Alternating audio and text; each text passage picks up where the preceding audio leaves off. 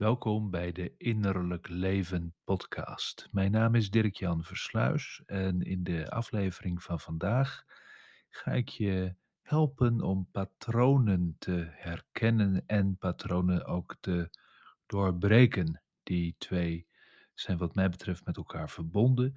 Patronen zijn een heel bekend eh, woord als het gaat om de psychologie, om de psychologie van gedrag, maar ook als het gaat om de psychologie van de gedachten. Je kunt gedachtenpatronen herkennen, gedragspatronen herkennen.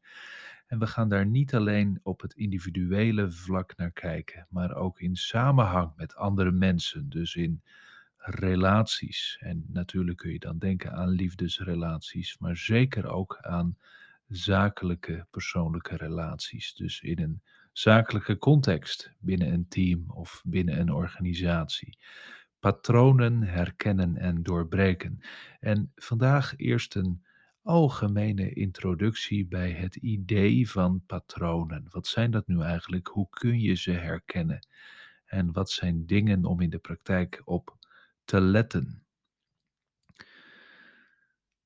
Als je googelt op patronen, dan zijn er verschillende psychologische boeken geschreven die specifiek met dit onderwerp dealen.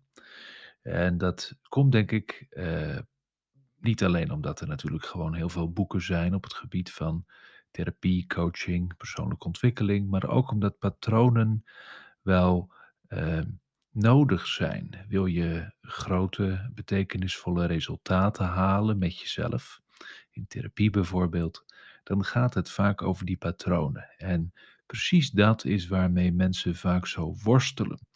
Je kent ongetwijfeld de uitdrukking visieuze cirkel, die ik in uh, andere versprekingen, zoals visuele cirkel, ook wel eens heb horen langskomen.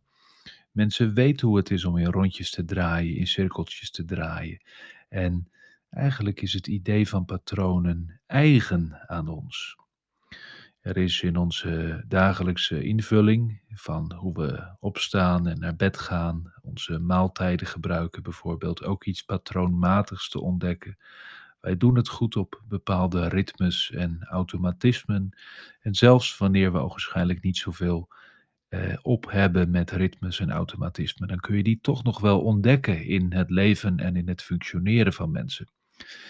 Dus patronen zijn eigenlijk eigen aan ons functioneren, aan ons leven.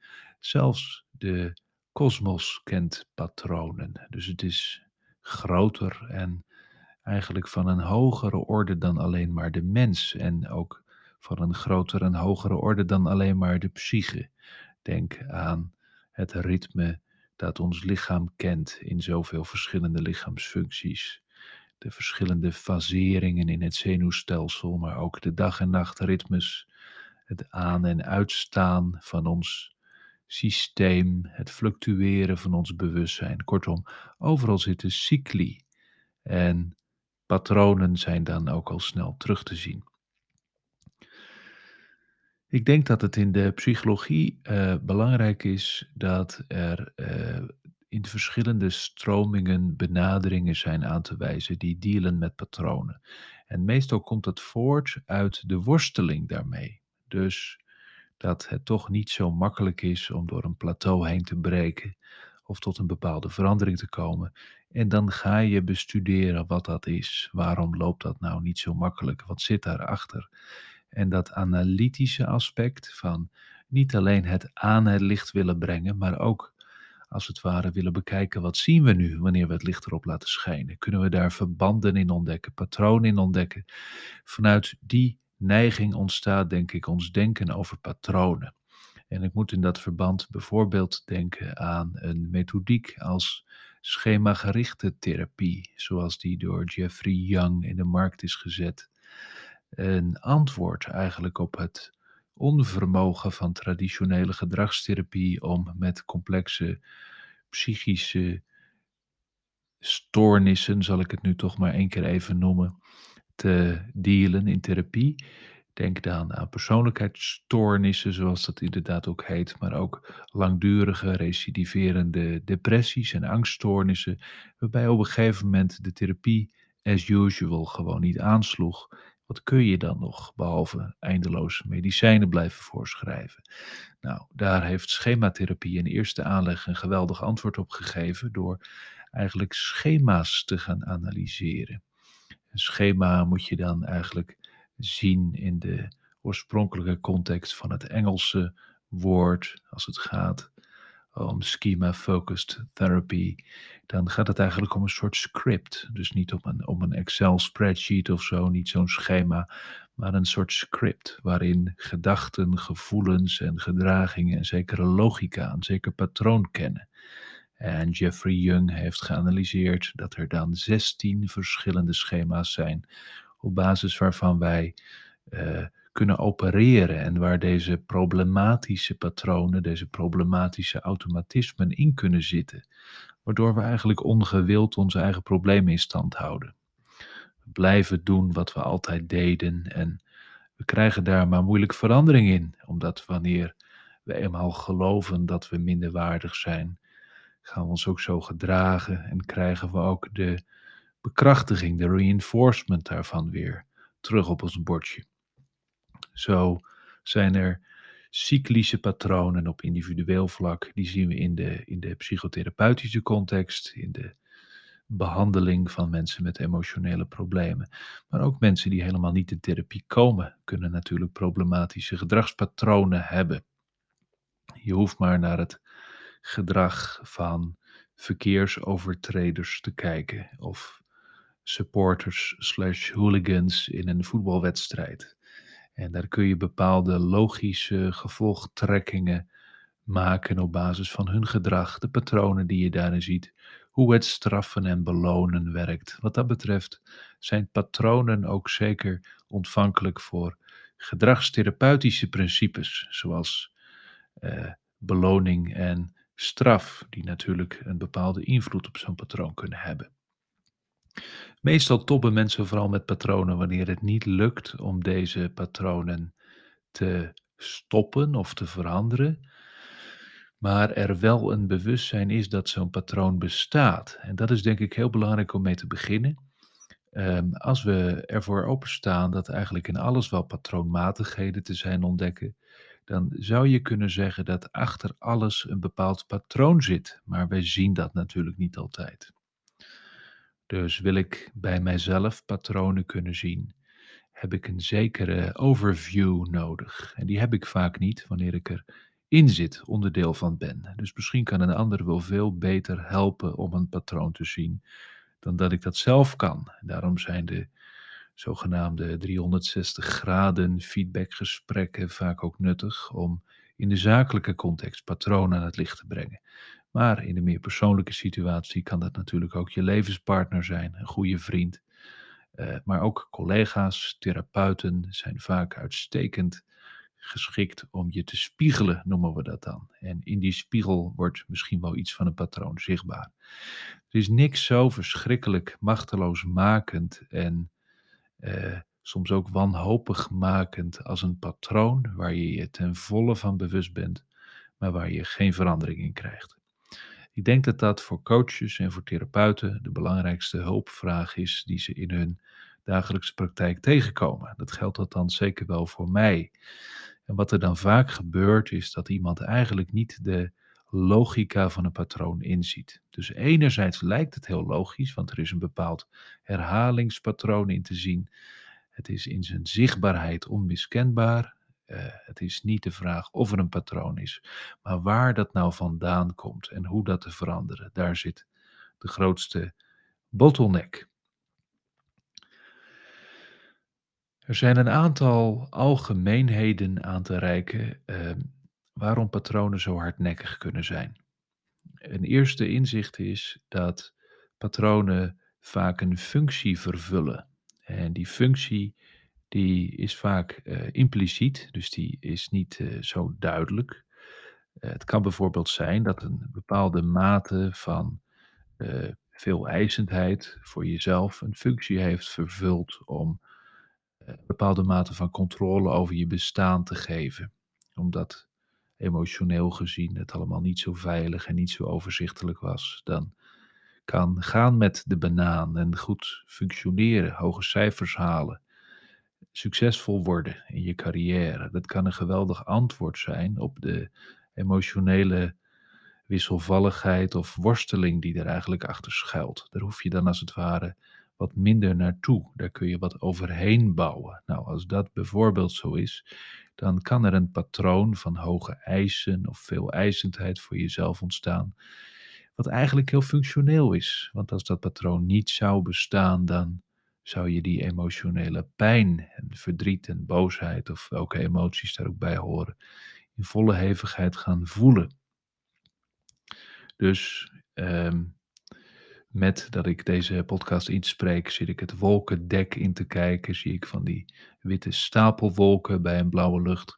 Uh, en dat is denk ik wel een heel leuk beeld. Uh, ook patronen kunnen gestapeld zijn. Dus een patroon dient ergens toe, heeft een functie. Je kunt dat bijvoorbeeld bij verslavingen heel duidelijk zien. Het dagelijks terugvallen in problematisch drankgebruik bijvoorbeeld is als patroon super duidelijk. Je ziet het gebeuren. Toch is het veranderen aan zich nogal eens een drama, want het is gestapeld op andere patronen. En de buitenwacht kan vaak heel goed zeggen hoe je dat patroon moet doorbreken, namelijk logischerwijs door gewoon te stoppen. Maar zo makkelijk is dat dan niet, want daar zit onder dat wolkendek ook nog een ander patroon, dat als het ware voeding geeft aan de verslaving. En dat kunnen, zelfs wel meerdere patronen zijn die je als het ware moet ontrafelen. En je kunt niet zomaar een patroon dat een bepaalde functie vervult wegnemen, want dan ontstaat er als het ware een vacature in je psyche of in je functioneren. Dus wanneer ik grote steun of gemak ondervind van een bepaald patroon, en dat loopt een beetje op zijn faillissement aan, ik merk dat dat gedateerd raakt of niet meer in mijn huidige leefsituatie of werksituatie past, dan is het constateren en het, uh, het herkennen, het erkennen ook daarvan één ding, maar het veranderen vraagt nogal eens beleid. De meest simpele route, gewoon weg met dat patroon, is meestal niet toereikend, want daarmee uh, onderken je niet dat zo'n patroon ook een belangrijke waarde heeft vervuld en vaak nog steeds vervult. Je kunt niet zomaar een van de vier stoelpoten wegzagen, dan dondert het geheel ook in elkaar. Dus de functie is belangrijk. Patronen verdienen ook erkenning. Iets anders is dat niet altijd, of misschien moet ik wel zeggen meestal niet, in ons eigen bewustzijn duidelijk is waar die patronen zijn ontstaan en welke functies ze nou precies vervullen. En daar komen we soms het meest mee in aanraking wanneer we onze neus stoten. Het kan bijvoorbeeld zijn dat je een patroon in je gedrag hebt. Dus bijvoorbeeld heel dominant en opvliegerig gedrag in sociale situaties. Dat lijkt dan wangedrag. Je zou zeggen, nou, daar moet je even voor opgevoed worden. Um, of je moet daar genoeg problemen mee hebben. Nog een keer een bekeuring of een, of een incident op je werk. Of, of andere consequenties die vanuit een straffen en belonen model daar wel een stokje voor steken. Maar misschien is de herkomst van dat gedragspatroon, dat problematische gedrag, helemaal niet zozeer gedragsmatig, zit er geen keuze achter, maar zit er bijvoorbeeld een emotioneel aspect onder. En uh, in dat geval uh, schiet je er niet zoveel mee op wanneer je geen oplossing vindt voor dat emotionele patroon. Het kan ook zijn dat mensen in cirkeltjes van gedachten draaien. Dat is nogal eens het geval bij mensen die veel piekeren of die neigen tot angstigheid en angstig denken.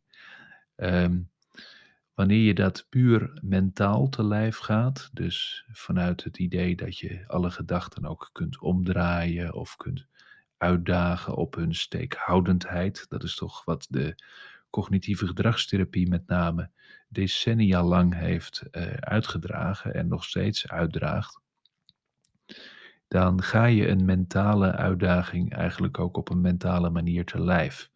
Maar het kan ook zijn dat daar emotioneel leed onder zit. En wanneer daar bijvoorbeeld trauma is of er zijn dieper gelegen emotionele activiteiten in je aan de gang, die je misschien wel kunt voelen, maar niet zo goed kunt doorgronden of begrijpen of verwoorden, dan kan het ook zijn dat zo'n gedachtepatroon eigenlijk in emoties wortelt. En tenslotte kunnen emotionele patronen, dus bepaalde gevoelstoestanden die steeds terugkomen, je intens leeg of eenzaam voelen, diep ontevreden, eh, alleen op de wereld.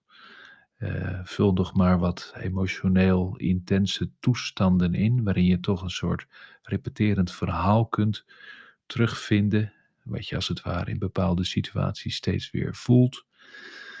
Dan zou je zeggen dat is een emotioneel patroon, maar daar kan niet zelden ook een bewustzijnspatroon achter zitten. Dat je eigenlijk in je bewustzijn, zoals ik, Dirk Jan ben, één Dirk Jan, één burgerservice nummer, dat ik toch verschillende innerlijke Dirk Jan toestanden heb. Misschien wel een uh, ventje van zes jaar die heel andere herinneringen en gevoelens heeft dan volwassen Dirk Jan van 36. En dat er misschien nog wel wat schakeringen tussen zitten, afhankelijk van de situatie, afhankelijk van de uitlokkende factoren. En dan kunnen verschillende bewustzijnstoestanden, die eigenlijk ook als patronen over elkaar heen tuimelen of door elkaar heen fluctueren en wisselen, ook tot hele verschillende emotionele toestanden leiden. En we zien dat soort patronen vaak terug wanneer het stevig schuurt in relaties. Met name relaties zijn een enorme spiegel voor onze patronen. En hoe meer we als het ware met onze neus tegen de muur lopen, hoe meer we zien hoe we eigenlijk functioneren. En ik denk dat daarom relatiecrisis en huwelijksproblemen en natuurlijk ook de bijbehorende relatietherapieën geweldige plekken zijn of brandhaarden zijn om persoonlijke patronen tegen te komen. Persoonlijke patronen worden eigenlijk pas relevant wanneer de persoon om wie het gaat, dus ik als eigenaar van mijn eigen patronen, er wat mee uh, wil of kan, en liefst allebei kan en wil doen. Tal van probleemgedragingen problematische patronen ehm, blijven ook onveranderd, omdat de dader, zogezegd, degene die het patroon gedragsmatig uitvoert, daar zelf onvoldoende hinder van ondervindt. Je kunt dat bijvoorbeeld zien bij probleemgedrag in de vormen van uh, crimineel gedrag, maar ook asociaal, antisociaal, narcistisch getint gedrag, waarbij de lijdensdruk, dus de urgentie van zo'n patroon, eigenlijk niet bij de, bij, de, bij de dader of de persoon in kwestie zelf ligt, maar bij de omgeving. Zo kunnen we eigenlijk de energie of de betekenis die in zo'n patroon zit, kunnen we afschuiven. En dat heeft natuurlijk iets indirects in zich, want dan wordt iemand anders eigenlijk de eigenaar van mijn patronen. En daarin kunnen vervolgens ook weer patronen ontstaan. Daarom wilde ik me in deze aflevering voor de eerste keer vooral beperken tot het idee van patronen en wat dat zijn, met wat hopelijk herkenbare voorbeelden van hoe dat in de praktijk ook eruit kan zien, welke uitdagingen er zijn. Ik wil in de volgende aflevering vooral kijken naar hoe patronen ook elkaar kunnen verhouden. Dus in het voorbeeld van een huwelijksrelatie of een zakelijke relatie waarin verschillende mensen met elkaar in contact komen die hun eigen patronen in het leven al hebben opgelopen en daarin heel aanvullend of juist, eh, want aanvullend en complementair lijkt leuk, maar je kunt ook aanvullend zijn in het in stand houden van een gezamenlijk soort geanceneerd drama, wat je in relatieproblemen ook nog eens kunt zien. Nou, ehm, we gaan uh, de, de wereldconflicten zoals Rusland en Oekraïne natuurlijk niet oplossen, maar veel intermenselijke patronen kunnen we toch wel wat beter duiden, kun je wat meer inzicht in krijgen. Dat gaan we volgende keer doen. Vervolgens wil ik ook nog een aflevering wijden aan specifieke uitdagingen die je kunt hebben bij het doorbreken van patronen. Want natuurlijk laat de ervaring zien dat patronen soms heel erg hardnekkig zijn. En menig cliënt in therapie, maar ook menig therapeut heeft zich stuk. Dus Volgende week relaties over en weer, zowel in de persoonlijke als in de zakelijke context. Hoe werkt dat nou precies en wat kun je daarin herkennen? En ik hoop dat deze aflevering je veel brengt in het herkennen van patronen. Wil je nu meer weten op het persoonlijke, individuele vlak, is een eh, tweetal boeken op het gebied van schemagerichte therapie mooi om te lezen. Eén boekje van Hannie van Genderen heet Patronen doorbreken. Dus hoe letterlijk wil je het hebben? Dat is een boek dat eigenlijk best wel eh, makkelijk leest, eh, niet al te uitgebreid is, met alle respect. Eh, ik vind zelf over het schemagerichte werken ook het boek van Jeffrey Young zelf, dat heet Leven in je leven. Een heel goed boek, wat in essentie ook over patronen gaat, maar op een wat andere manier verwoord. Heel graag tot de volgende aflevering over patronen in relaties.